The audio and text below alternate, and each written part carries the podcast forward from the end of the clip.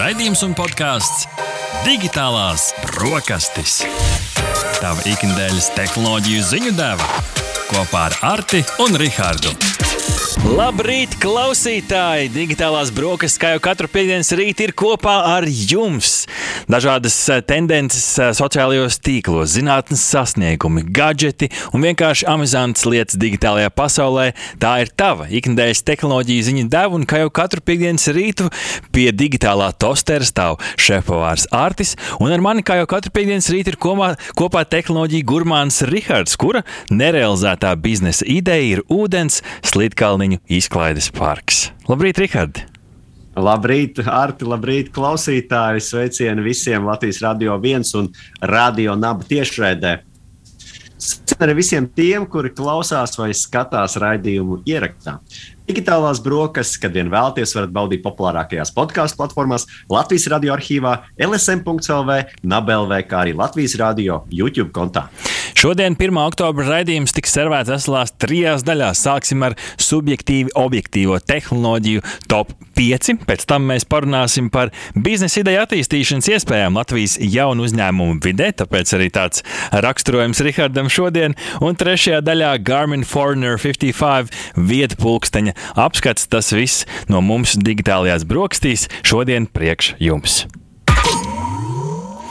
Un nedēļas sākumā LSM.CLV Instagram kontā prasījām mūsu sekotājiem pāris jautājumus saistībā ar pagājušās nedēļas un šodienas raidījumu, un saistībā ar pagājušās nedēļas ziņu par to, ka Lietuvā aizsardzības iestādes kiberdrošības eksperti brīdina par Ķīnas telefonu lietošanu, prasījām jums pavisam vienkārši jautājumu, vai tevi satrauc Lietuvas paziņojumi par Ķīnā ražotu telefonu nedrošumu? Rihard, kādi ir rezultāti? Jā, nu tad šeit sabiedrības domas dalās. Uh, 70% saka, ka nē, viņu šī ziņa nesatrauc. Savukārt 30% ir nobažījušies. Tā kā nu, šeit var teikt, ka trešdaļa satrauc par to, vai lielais brālis Ķīnā varētu, varētu sekot līdzi viņa privātajai informācijai. Nu, tas arī diezgan atspoguļo droši vien to sabiedrības kopumā skatu uz drošību. Jā, jo aizdītajā nedēļā arī, protams, lielie telefonu ražotāji nāca klajā ar paziņojumiem, arī tā skaitā Latvijas medijiem par šo ierīču drošību. Nu, protams, ka visi noliedz, protams, ka viss ir droši. Nu, gan jau, ka tā zelta patiesība ir tur pa vidu starp šiem viedokļiem. No nu, vienas puses, nu, ņemot vērā, ka tā nu, vidējā Latvijas nu, iedzīvotāja pirktspēja nav tāda, ka viņš var pirkt telefons par 2000 eiro, tad bieži vien šie telefoni ir. Nu, pēc cenas ziņā un kvalitātes ziņā draudzīgāk. Un tad bieži vien nu, no šādiem aspektiem ir, par tiem ir jāpadomā, kad izvēlamies vietu runu. Taču ķeramies klāt subjektīvi ob objektīviem tehnoloģiju top 5. Ziņa numur 1. Pirmā ziņa no tehnoloģiju uzņēmuma Google, kurš tā prezentācijas pasākumā Search On atklāja vairākus jaunumus par Google meklētāju pilnveidi nākotnē.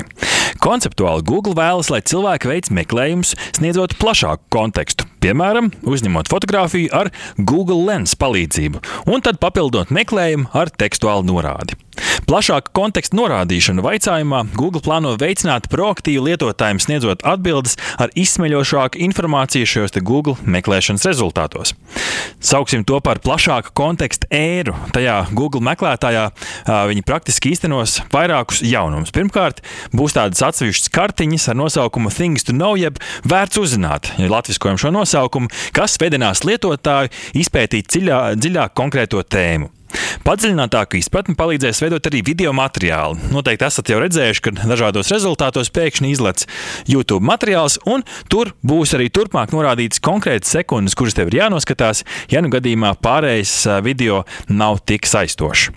Un, piemēram, meklējot lietas pirkšanai, Google parādīs ne tikai, kur tās var nopirkt, bet arī populārākie un vislabāk uh, aprīkotie internetu veikali, uh, kur dati būs korekti noformēti. Tiem arī blakus parādīsies uh, nozīmīgi, cik tad šie produkti šajos internetu veikalu plauktos ir pieejami, kā raksta TheVerge.com. Jā, klausītāji, noteikti arī jūs, kuru vietāluņos ir šis Google meklēšanas widgets uh, uz darba virsmas, būsiet pamanījuši, ka nesen tam tika pievienot iespēju uzreiz meklēt ar Google Lens, jeb attēlu meklētāju palīdzību. Un te mēs tiešām varam redzēt, ka Google diezgan agresīvi cenšas šo produktu piedāvāt lietotājiem. Bet no otras puses, um, tas var būt arī ļoti ērti, jo nu, mums, uh, kā jomu neprofesionāļiem, bieži vien uh, varētu, varētu būt grūti grūti nosaukt kaut kādas lietas vārdos. Un, tā kā jūs attaisat vaļā mašīnas pārsegu, piemēram, jūs tur ieraugat dažna, dažādas lietas, vai paņemiet to pašu savu divriteni, nu, vai visi no mums zina, kā sauc to priekšmetu, kas ir ritenim tur pa vidu, ka tā ir rumba. Nu, šajā, gadījumā, šajā gadījumā jūs pietuvināt telefonu konkrētajai detaļai, un pēc šī attēla jau atrastu iespējams gan šīs lietas nosaukumu, gan arī kādu informāciju par to. Un tādā ziņā, protams, šī funkcija ir diezgan ērta, jo mēs visi nevaram pilnīgi visu zināt, vai ne? Ziņa numur. Video platforma TikTok nedēļas sākumā paziņoja, ka tā ir pārsniegusi viena miljarda ikmēneša aktīvo lietotāju skaitu. Izaugsme notikusi par spīti ASV pretestībai, kiberdrošības ekspertu bažām par datu noplūdēm uz Ķīnu un citu platformu aktīvai TikTok darbības adarināšanai. TikTok lietotnes posme nāca līdz ar Covid-19 pandēmijas sākumu, kad 20. gada pirmajā ceturksnī vien lietotne lejupielādēja aptuveni 315 miljonus reižu. Turklāt pēc Sensor Tower datiem gadiem TikTok kopš tā dzimšanas ir lejupielādēts vairāk kā 3,2 miljardus reižu. Protams, ka TikTok uzņēmums ByteDance tā rezultātā aizdītā gada peļņu dubultoja, sasniedzot 34,3 miljardus ASV dolāru, un jūnijā uzņēmuma kopējā vērtība tika lēsta ap 425 miljardiem ASV dolāru, ziņo TheVerge.com. Jā, nu tiešām TikTok, TikTok izaugsme ir veicinājusi lielas izmaiņas arī citos uh, sociālajos tīklos. Uh, tās uh, funkcionalitātei pārdzimstot uh, gan Instagram, gan Instagram Reels, gan Snapchat Spotlight, gan YouTube Shorts. Daudz jau sociāli tīkli ņēmuši piemēru no uh, TikTok. Un, uh, zinām, mērā TikTok gājiens ar šo laika pagarināšanu no 15 līdz 60 sekundēm, un tad šie video izstiepās pat līdz 3 minūtēm, ir gaužām strateģisks. Jo nu, tas, pie, tas piespiedīs mūsu lietotājus pavadīt šajā platformā ar vien vairāk laika. Tur tev pilnīgi taisnība. Ja agrāk to saucām par īso video platformu, tad jau šobrīd pieteikumā tā vienkārši ir video platforma TikTok. Ziņa numur 3. Lai uzlabotu drošību, Austrālijas Queenslandas štata pazemes oļraktuvēs lūko izmantot dronus, kuriem nav nepieciešams GPS signāls. Tā vietā drons izmanto hovermap ierīces LiDAR laser signālus. Kā atklāja rīta panorāma, tas palīdzēs tam orientēties dažādās vidēs. Lāzera signāls dronam ļauj droši pārvietoties pazemes tuneļos un orientēties diezgan autonomi pašam no sevis bez operatora palīdzības. Drona izmantošana varētu pasargāt cilvēkus no iespējams potenciāli bīstamām situācijām, kādas raktuvēs bieži vien var būt, lai noskanētu dažādu raktuvi tālākos nostūrus. Unikālo tehnoloģiju, lāzera orientēšanās ierīci, varot izmantot arī patiesībā citos veidos. Tam nav jābūt piestiprinātam tikai pie drona. To var arī uzlikt cilvēkam uz mugursomas, pielikt pie visurgājēja robota, un tādā veidā var ievākt informāciju par dažādu raktuvju dzīvēm. Jā, nu tie, kur skatās mūsu uh, video formātā, noteikti redzēja arī skaisto video klipu. Jāatzīst, ka šī tehnoloģija nedaudz atgādina uh, filmu Prometējs no frančīzes Svešais, jeb Alien. Uh, kur tuneļa ātrākā izpētēja filmas varoņi izmantoja lodveidu dronus ar lāzeru skeneriem. Nu, gan jau, ka šīs filmas fani atceras, cik labi pēdiņās viss pēc tam beidzās uh, planētas pētniekiem. Uh, bet, nu, lai vai kā, jebkurā gadījumā šī kalnrūpniecība ir bīstama nozare. Neatradām gan precīzus datus par to, kā šai nozarei kopumā iet ar, ar šo te, darbinieku, darbinieku veselības mm -hmm. sargāšanu. Bet, Mēs uh, redzējām, ka, piemēram, Austrālijā kalnrūpniecības nozarē joprojām ir trešais augstākais mirstības līmenis no uh, salīdzinoši citām nozarēm. Katru gadu mirst vidēji deviņi darbinieki. Un, uh, Austrālijā noteikti šis rādītājs ir salīdzinoši labs. Ir daudz citas valstis, kur šī dro, drona izmantošana varētu aiztaupīt uh, daudzu, uh, daudzu cilvēku dzīvības. Numur 4. Lietuviešu pārtikas ražošanas uzņēmums Auga Group prezentējis pasaulē pirmo profesionālajai lietošanai paredzēto bezizmešu traktoru Auga M1. Traktors darbojas ar hibrīdo biometānu un elektronisko dzinēju, ar kuru uzņēmums var palīdzēt lauksaimniecības nozarei visā pasaulē samazināt piesārņojumu. Traktora biometāns, biometāna šis motors darbināms ar iekšzemes dzinēju, kas ražo enerģiju un pārnes to tieši uz elektromotoriem, kuri griež riteņus. Traktora pievilcīgums slēpjoties tajā, ka patentētais dizains ļauj traktorai ievietot lielākus biometāna balonus. Līdz šim tāda uh, lieta jau tika izmantota, bet nu, šeit baloni salīdzinoši mazi. Līdz ar to ar šo jauno patentu traktors spēj strādāt ilgāk, kas ir būtiski lauksaimniecības nozarē, kur darbi, kā mēs esam redzējuši arī braucot pa ainiviskajiem Latvijas ceļiem, uh, ka šie darbi var ilgt līdz pat vēlai naktas stundai, pat ilgāk kā 12 stundas no vietas. Biometāna uzņēmums arī ir izvēlējies ar nodomu, jo tas ir viens no zaļākajiem biodegvielas veidiem. Turklāt to var iegūt no metāna, kas savākts no mājlopu fekālijām. Protams, vēlēsim veiksmi mūsu kaimiņiem, lietuviešiem ar šo produktu, bet, protams, gribētos dzirdēt arī ietējo lauksaimnieku viedokli par to, kā būs lietot šo produktu.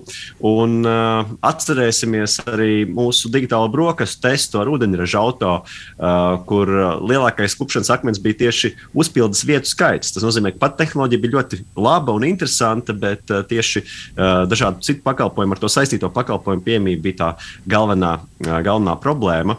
Un, lai gan auga grupa piedāvā šo arī balonu nomaiņu, tās tomēr ir būtisks izmaiņas lauksaimnieku ikdienas darbībās. Un diez vai katrā Latvijas nostūrī varēs tik viegli pie šādiem uzpildus baloniem tikt. Ziņa numur 5. Kā mēs labi zinām, mūzikas baudīšana mūsdienās var notikt dažādās formās, pat video spēlēs. Pasaulē populārajā video spēlē Fortnite oktobrī norisināsies muzikālās performances ar nosaukumu Soundwave Series. Tajās uzstāsies eģiptiešu mākslinieks Mohameds Hamaki, austrāļu dziedātājs Tones and I, brazīļu reperis MSC, japāņu popmūziķis Jens Hoshino un franču maliešu dziedātāja Aja Nakamura. Performance varēs baudīt ilgāku laiku un dažādos veidos. Uzstāšanās būs dzirdama atsevišķā spēļu izlases, jeb playlist šajā spēļu sarakstā, vai arī to varēs skatīties attēls attēlā, jeb picture in picture režīmā, tipiskajā Battle Royale mačā, kā raksta TheVerge.com. Jā, nu, Fortnite uh, digitālā skatu ir pulcējusi arī tādus grandus kā Ariana Grande, Travis Scott, uh, Marshmallow, Diplo, Steve Aoki un uh, Deadmau5. Uh, sav, savulaik arī Fortnite teātris skatu patika, uh, patika parādīts uh, Tenet filmas trailers. Un uh, Fortnite, protams, nav vienīgā spēle, kas izmantoja šādu spēlētāju piesaistīšanas veidu. Nu, piemēram, spēlē uh, Roblox uh, uzstājās savulaik uh, Līnas X un 21 Pilots. Uh, Minecraft savukārt notika Block by uh, Blockwest virtu virtuālās mūzikas festivāls. Un uh, mūziķu iesaisti ir izmēģinājuši, protams, arī citas platformas. Tā kā nu, gaidīsim atkal jaunas pavērsienus šajā attālinātās dzīves laikmetā. Jā, un tūlīt nodosimies muzikālajai pauzē, un pēc tam atgriezīsimies ar sarunu par jaunu uzņēmumu ekosistēmu Latvijā. Hmm. Mm. Ko liksim uz kārā zoba? Digitālo brokastu saldais ēdiens. Labrīt, klausītāji! Sveicam jūs atpakaļ pie digitālo brokastu galda. Vai esi domājis par savu biznesa idejas attīstību? Iespējams, tev ir ideja par nelielu lokālu biznesu, kuram nepieciešams atbalsts, bet varbūt tu plāno iekļūt starptautiskos tirgos ar savu augstas pievienotās vērtības produktu. Jaunu uzņēmumu, jeb startup vidi Latvijā ir ļoti dinamiska, un arvien biežāk dzirdam par veiksmīgiem piemēriem no Latvijas, kas spējuši iekarot tirgu tālu aiz tās robežām. Bet, var, vai, bet būt veiksmīgam tas nemaz nav tik vienkārši. Tāpēc pie mums šodien viesojas trīs eksperti, kurus pastāstīs, kādu atbalstu var saņemt jaunie uzņēmēji. Un ar mums kopā ir Lauma Mužniece, Latvijas Investīcija attīstības aģentūras tehnoloģija departamenta direktore. Labrīt! Labrīt. Arī Ilona Gulčaka, komercializācijas reaktora valdes priekšsēdētāja un partnerattiecību vadītāja. Labrīt! Labrīt! Un arī Māra Birzniece, Latvijas Universitātes studentu biznesa inkubātora vadītāja. Labrīt, Māra! Labrīt! Labrāt, labrīt, burvīgās dāmas, un es ķeros klāt pie pirmā jautājuma. Noteikti mēs sākumā gribam saprast, kā tad vispār var saņemt atbalstu jaunu uzņēmumiem, kā vispār var attīstīt to savu ideju pašos sākumos. Un es varbūt pirmo jautājumu adresēšu Laumai. Esam dzirdējuši par dažādiem svešvārdiem, kas varbūt vairumam ir vēl, vēl joprojām svešvārdi - inkubatori, akceleratori, biznesa eņģeļi un tā tālāk. Šajos vārdos jau dažkārt viena var apmaldīties, tāpēc varbūt Lauma, ja var ieskicēt, kas ir tie galvenie atbalsta veidi veidi Latvijā? Uh, jā, uh, paldies par jautājumu. Tiešām uh, var, var apjukt visos tajos terminos, jo atbalsta veidu ir, ir īstenībā patiešām daudz. Um, un, Atbalsta veidi arī Latvijā ir, ir Latvijas uzņēmumiem un ideja, idejām, ideju, kom, ideju iztenojušajām komandām ir pieejami gan tie instrumenti, kas ir Latvijā, gan arī bieži vien arī, arī ārvalstīs ir, ir dažādi uzsaukumi un, un iespējas piedalīties. Bet jā, nu, tad teiksim tie instrumenti un, un to atbilstība vai vajadzība ir atkarīga no tā, arī kādā stadijā uzņēmums ir. Vai, precīzāk sakot, kādā, kādā attīstības stadijā ir, ir, ir pati ideja, vai, uzņēmum, vai uzņēmums tikai domā par to, ko īsti darīt, sāk strādāt pie komandas veidošanas. Tad ir ļoti svarīgi kāds, kas sniedz atbalstu, piemēram, šajā gadījumā tas būtu piemēram, pirms inkubācijas procesā vai dažādas akcelerācijas programmas, kur ir tieši tiek strādāts pie tā, nu, šajā gadījumā vairāk tieši inkubatori būtu tas atbilstošākais tehniskais instruments, kur tiek strādāts pie idejas pilnveides. Tas ir tā pati tā sākuma stadija.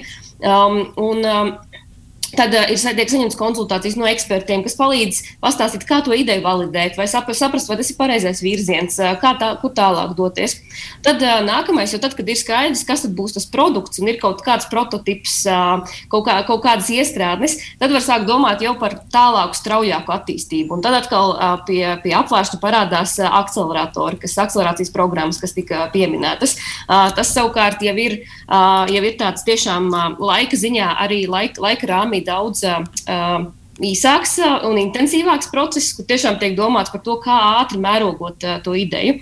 Um, nu, jā, un tad visa, visam šim pa vidu uh, arī, protams, ir nepieciešamība pilnveidot uh, prasmes, uh, ir pieejami daudz dažādi. Uh, um, semināri, apmācības, meistarklases par ļoti svarīgām jomām biznesā, gan, gan par digitālo mārketingu, spēju prezentēt savu ideju, jo ļoti ir atkarīgs arī no tā, kādā, kādā uzņēmuma stadijā un kam tu savu ideju prezentē kā uzņēmējs. Tad šādas prasmes. Protams, tad runāja, varam runāt arī par atbalstu, kas ir saistīts ar finansējumu pētniecībai, jo īpaši, ja mēs runājam par zinātņu ietilpīgiem risinājumiem, tur tiešām ir liels atbalsts nepieciešams tieši pētniecības aktivitātēm. Tad arī Latvijas Investīciju attīstības aģentūrā ir pieejams tāds, tāds, tāds instruments kā inovāciju vouchers. Vēl, vēl viens jauns termins klāt plašiem klāstam. Mm.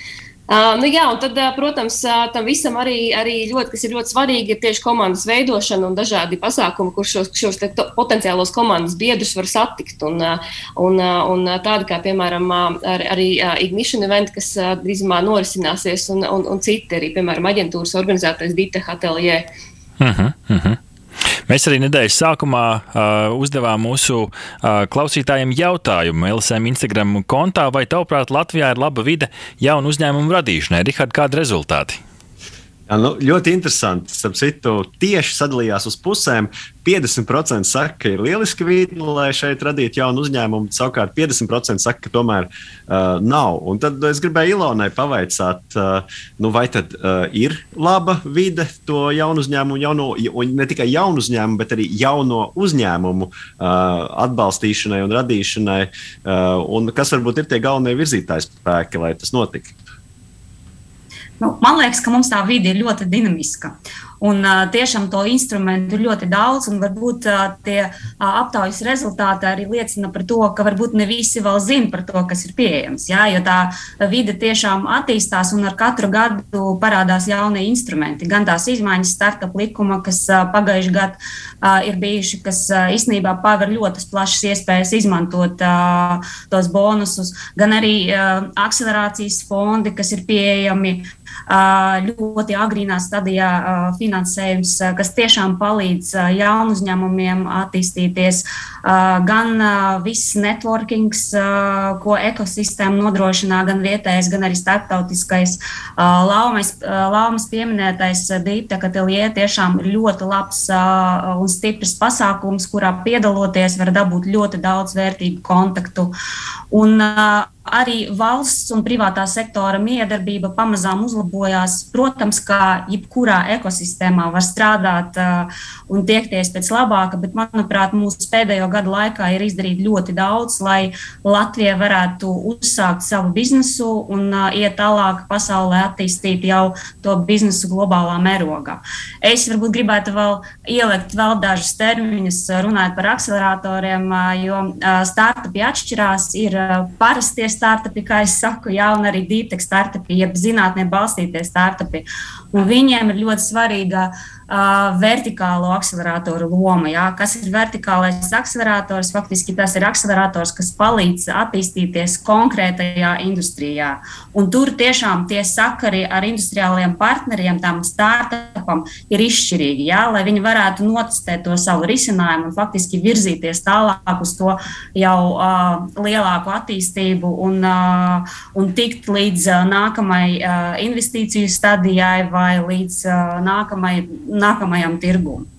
Un svarīgi atzīmēt, atzīmēt, ka tāda veida startupiem tas ceļš līdz tirgumam ir, ir ilgāks, un viņi daudz vairāk paļaujas uz publisko finansējumu savā attīstības posmā. Līdz ar to ļoti svarīgi, lai valstī tie publiskie instrumenti pastāv, mm -hmm. ko Latvija ļoti daudz dara. Un Latvijas attīstības un investīciju aģentūra tiešām ļoti daudz palīdz. Jā, tajā brīdī, kad tu nonāc tajā vidē, tu patiesībā sāc saprast, cik daudz ir tās iespējas, un iespējams, ja visi no aptaujas dalībniekiem būtu šajā vidē, iespējams, tie rezultāti būtu citādāk. Tad šeit es sarunā vēlos iesaistīt arī Māru, jo Māru tu vairāk pārstāvi uh, universitātes vidi, uh, akadēmisko vidi, zinātnes vidi šajā visā mūsu šodienas sarunā. Un tad jautājums, kā universitātes un zinātne kopumā iesaistās jaunu uzņēmumu attīstībā, ideju attīstībā un uzņēmumu veidošanā.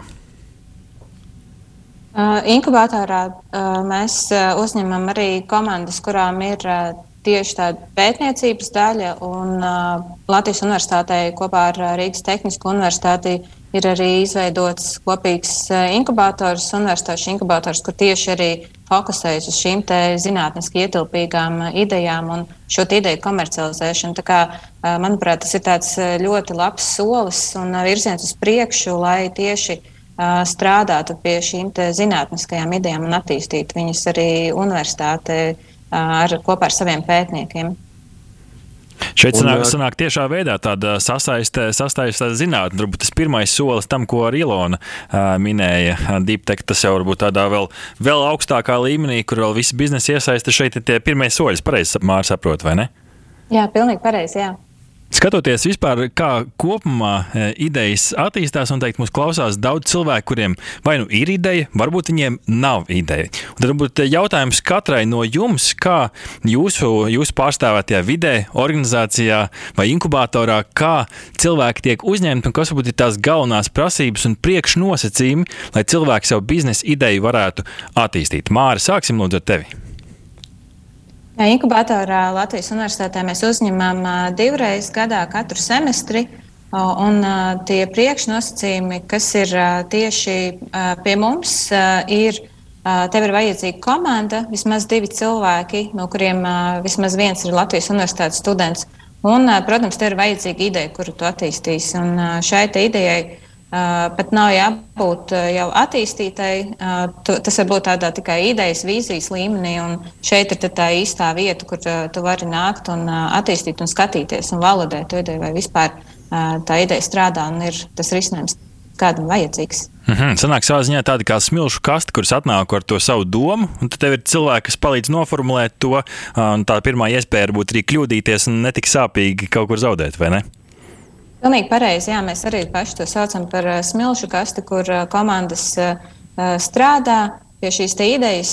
Ja viņas redz, ka tā ideja īsti neaiziet un nav pieprasījuma, viņas var arī mainīt ideju.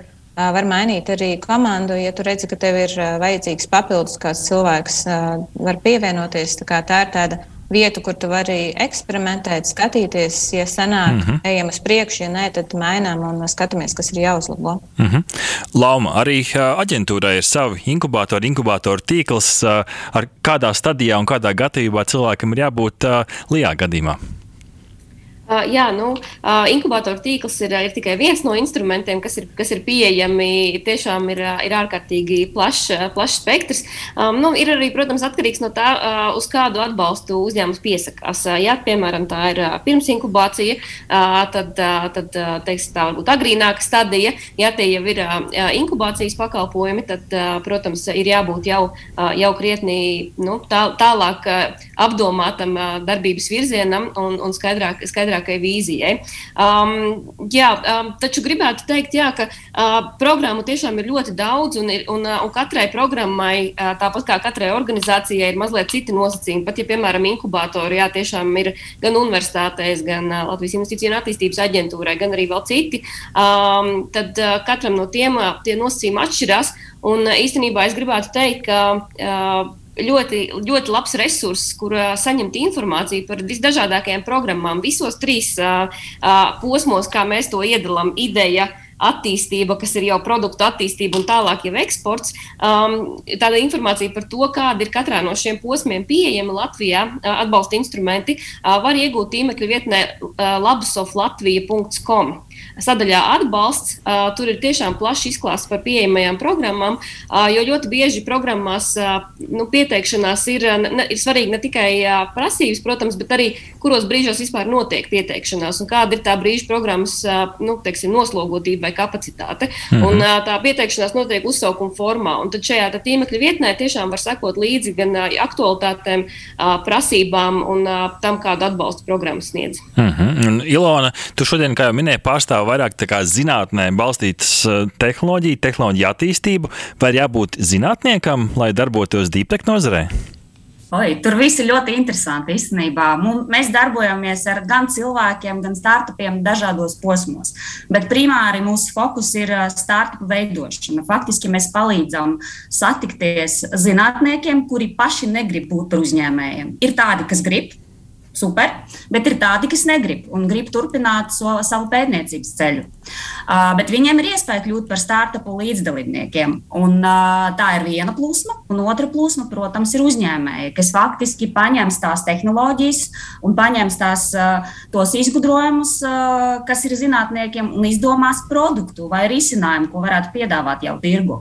Un, faktiski mēs veidojam uh, komandas, kuri pēc tam pārto par tiem zinātnes uh, ietaupīgiem startupiem, uzņēmumiem. Uh, un šajā stadijā mēs jau nodrošinām akcelerācijas pakalpojumu, un šajā, šajā stadijā pie mums arī var pievienoties jau paši izveidotie uzņēmumi. Tā kā faktiski mums tā miedarbība vairākos posmos, bet fokus ir uz uh, uzņēmumu veidošanu. Ko mēs darām divreiz gadā īstenībā, un tagad arī tuvojas nākamais pasakums, pasākums, kas ir Ignition Event, jau 18. pēc kārtas, jā, un tā kā 22. un 23. oktobrī mēs gaidām uzņēmējus, jo mums ir ļoti interesantas tehnoloģijas, ko prezentē zinātnieki ne tikai no Latvijas. Mm -hmm. izklausās ļoti. Nu, patiesībā tik skaisti gan izvēle neticās. Tāpēc laumi jautājums tev sanāk, ka mēs dodam un dodam. Mums ir smilšu kosts, kurā testēt idejas, mums ir programmas, voucheri, nauda. Tev pilnīgi pat, ja tev pat nav ideja, bet tu esi uzņēmēji, gars tevī mītnes, ka tu vari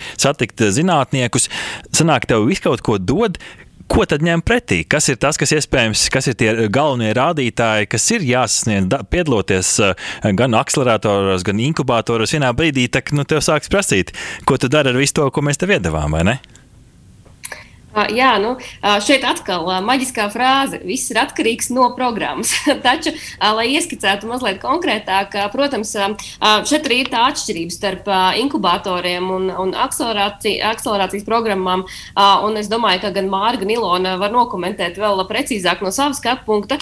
Bet nu, jā, lielā atšķirība ir tāda, ka inkubatori, inkubatoru pakalpojumi um, ir, ir, ir bieži vien, uh, nu, to sauc par non-equity uh, ieguldījumiem. Tā tātad netiek prasīts pretī būtībā nekas. Lijā gadījumā šie pakalpojumi ir noteikti nosacījumi, jā, kam ir jāizpildās, lai pakalpojumus varētu saņemt un noteiktā apjomā, un uzņēmumam ir jānodrošina arī līdzfinansējums, ja tās tad, tie ir granti jau, jau inkubācijas posmā.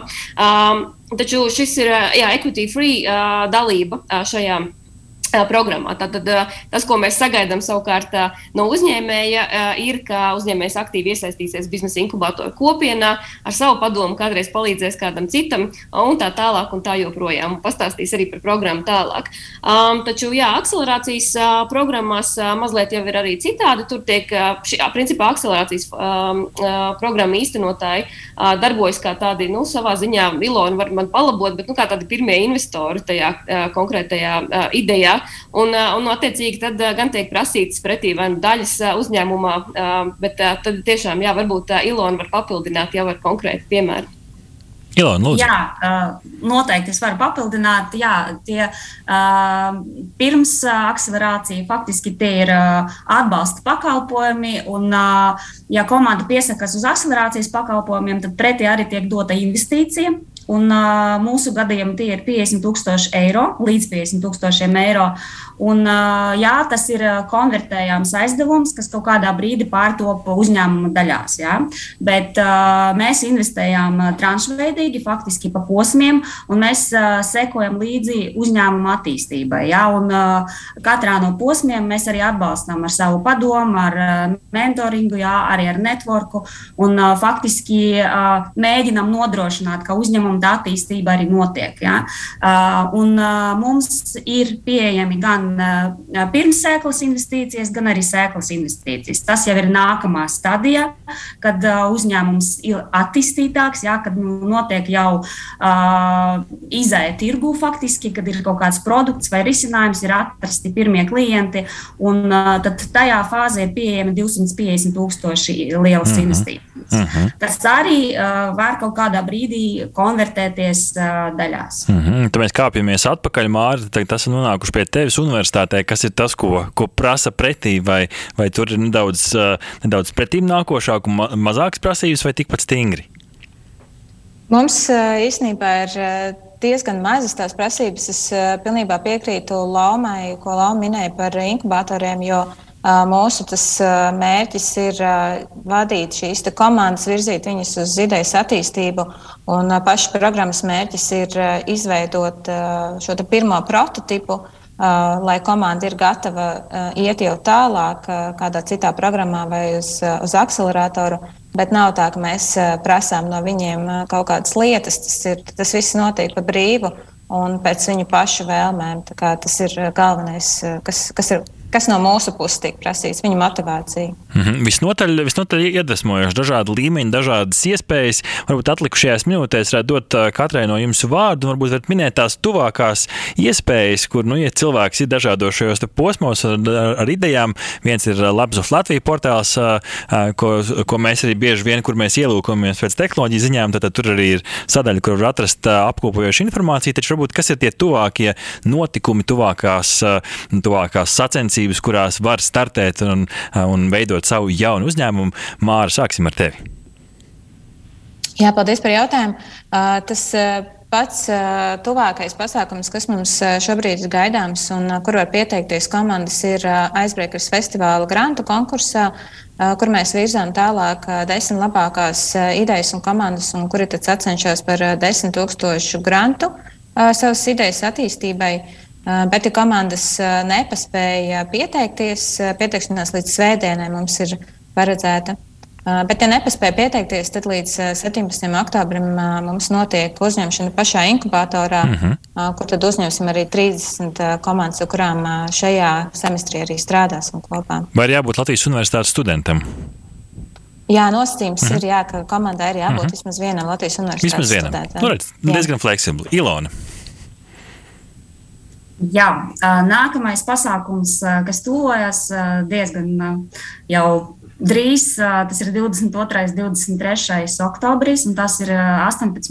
ignition events, kur būs iespēja faktiski dzirdēt zinātniskus izgudrojumus, zinātniskās tehnoloģijas un satikt zinātniekus, ar kuriem veidot komandas. To pasākumu organizē Latvijas, un, Latvijas investīciju un attīstības aģentūra un Commercialization Reactor. Un, faktiski mēs būsim tur, lai atbalstītu un palīdzētu topošiem uzņēmumiem izveidot komandas uh -huh. ar mhm. zinātniekiem un faktiski izveidot beidzot savu arī viedo biznesu. Tāda biznesa un, un zinātnes miedarbība. Lauma, kas varbūt vēl nav pateikts, kas ir vēl pie apvāršņa? Um, es, um, es varbūt drīzāk gribētu, es viennozīmīgi pievienojos tam, ko, ko minēja Ilona. Uh, absolūti, tiešām aicinu uh, interesants piedalīties. Uh, vienmēr priecājamies uh, uh, redzēt uh, jaunas uh, tehnoloģijas un priecājamies par uh, zinātnieku uh, dalības uh, pieaugumu. Um, bet um, tas, ko es varbūt vēlētos uh, uzsvērt, ka vēl bez tādiem arī uzsaukumiem, lai arī tiešām ir daudz dažādu uzsaukumu un konkursu, uh, ir ļoti daudz atbalsts pieejams arī, uh, teiksim, varbūt uh, mazāk mazākā apmērā, um, bet nepārtraukti. Un es iesaku tiešām arī apskatīties uh, šīs lietas, jo bieži vien, lai startētu kaut kādos uzsaukumos, ir, ir tieši kaut kādas minimālās prasības, kas ir jāizpild. Un savukārt ir atbalsta instrumenti, kur var palīdzēt tieši sasniegt uh, nu, kaut kādu attīstības stadiju, kas ļautu startēt tālāk. Um, un, uh, līdz ar to tiešām iesaku paskatīties uh, gan to atbalstu, kas ir pie, pieejams jaunu uzņēmumu darbības atbalsta likuma ietvaros, kas ir uh, šobrīd ļoti plašs, uh, pla, plaš, nu, salīdzinoši plašai auditorijai pieejams, um, gan arī citus instrumentus. Un, uh, protams, sakot līdzi jau, jau vairāk kārt pieminētajā Lapsaf Latvija uh, jaunumiem, uh, jo tur ik pa laikam arī parādās dažādas iespējas, piemēram, ārvalstu akceleratoros piedalīties uh, caur LIBE pārstāvniecībām. Um, varam, uh, varam saorganizēt arī konsultācijas. Uh, tā kā tiešām aicinu, aicinu, aicinu aktīvi sekot līdzi informācijai, jo tā rodās bieži vien ļoti, ļoti dinamiskā veidā. Noteikti būtu interesanti vēl vienreiz pēc šīs sarunas paprasīt tiem pašiem, ko mēs aptaujājām. Iespējams, ka šobrīd jau tā aina būtu daudz citādāka un cilvēki rādītu īkšķis augšā patiešām diezgan dinamiska un pretim nākoša vide. Lielas paldies jums par ieskatu tajā, kā idejas dažādos līmeņos attīstās un kas ir pieejams, lai tās idejas attīstītu. Un mēs patiešām ceram arī no digitālo brokastu skatu punktu, ka mums dzims daudz jaunas tehnoloģijas, jo tad gluži vienkārši mums būs par ko pastāstīt digitālajās brokastīs par jauniem brīnumiem, kas Latvijā ir radīti. Teiksim, šajā rītā liela paldies pirmkārt Laumai Mužniecei, Lijā tehnoloģija departamenta direktorei. Paldies!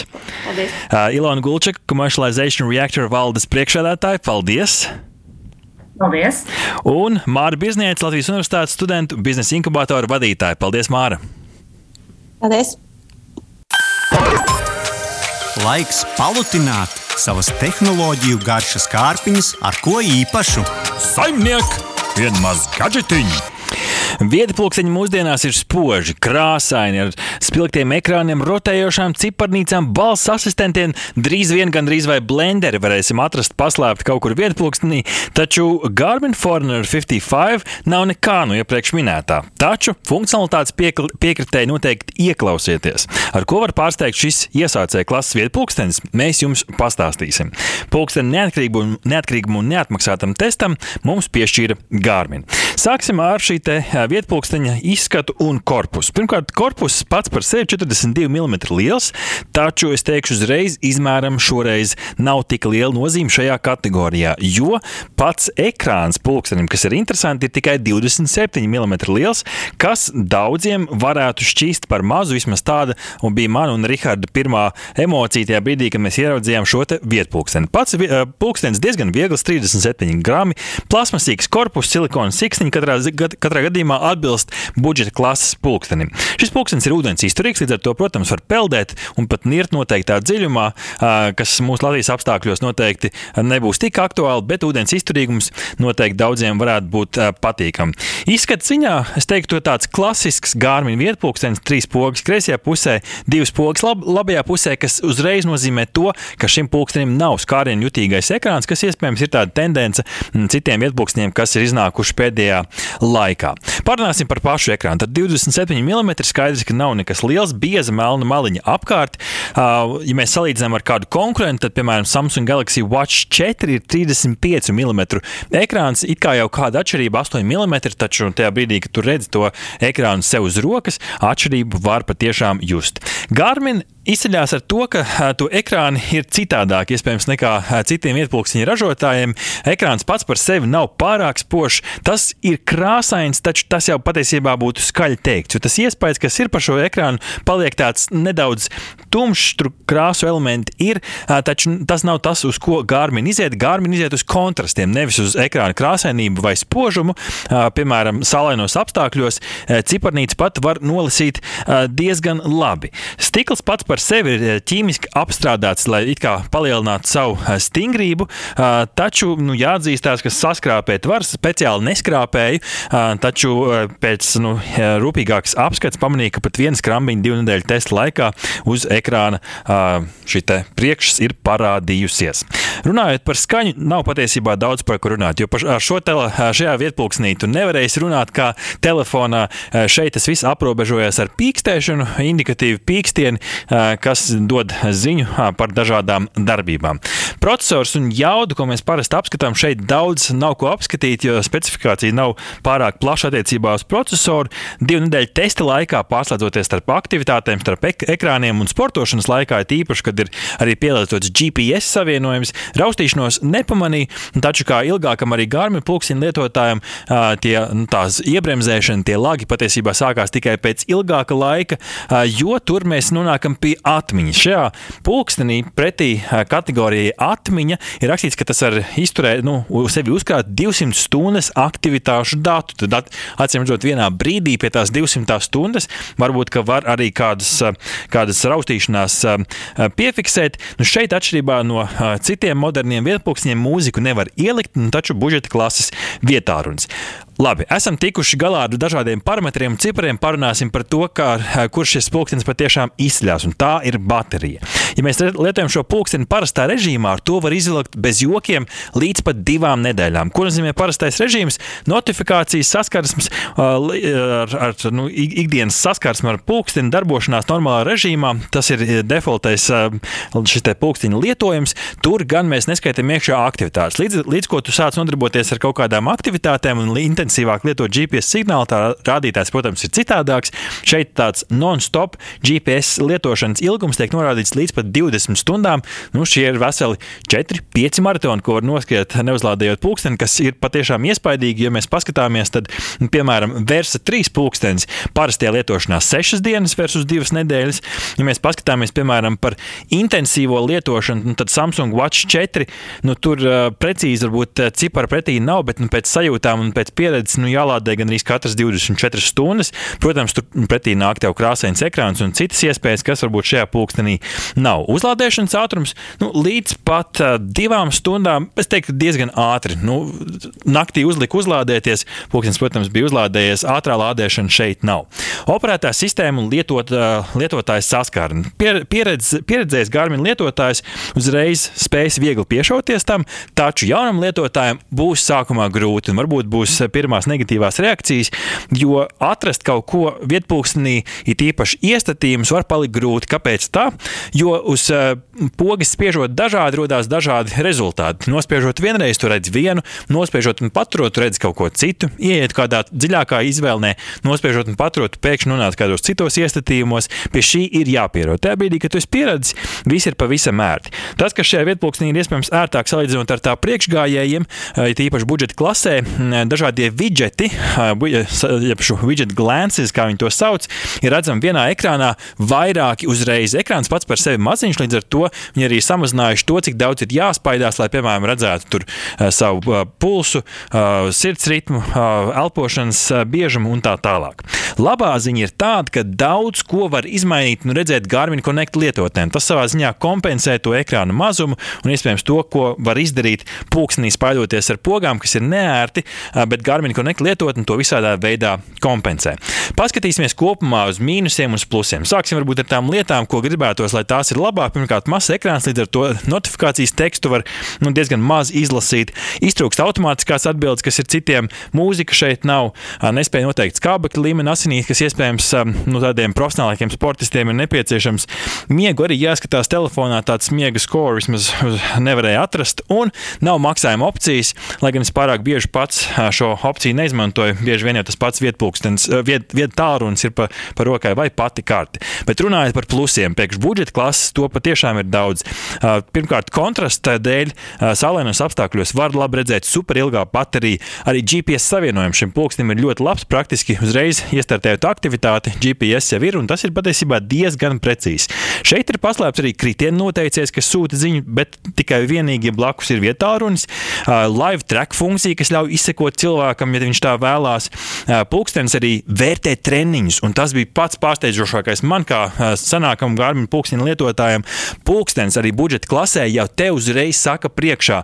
Ja tu esi skrējis, piemēram, kārtīgi treniņu pirmdienā, tad iespējams otrdienā pulkstenis aicinās tevi atpūsties vai ieteiks konkrētu treniņu veidu, un tas jau ir kaut kas tāds, ko es ilgi esmu gaidījis. Šeit dažādās ierīces vāc datus, un beidzot viņas arī saka tev priekšā, ko un kā labāk darīt, lai sekot līdz tavai labsajūtai. Ir arī diezgan plašs sporta aktivitāšu klāsts, lai gan, piemēram, tāda lieta kā laser tag šajā vietā, vietpulksnīs neatrada, kas iespējams bija arī pieejams Huawei Watch 3. Tas, kas ir interesants šeit, tie, kam patīk skriet pa stadionu, pa konkrētām līnijām, šis vietpulksnis spēja noteikt pēc GPS precīzi, ja tu norādi, ka tu skrieni pirmajā līnijā, viņš arī kartē pēc tam ļoti, ļoti precīzi iefiksē šo te stadionu līniju, skriešanas līniju, un tādā veidā arī precīzāki rezultāti. Ir daudz dažādu vēl citu veidi, kā viņi strādā ar datiem, piemēram, prognozēt, cik ātri tu noskaidrs maratonu un tā tālāk. Tie datu apstrādes veidi ir patiešām daudz, un tas ir, mm, tas ir forši.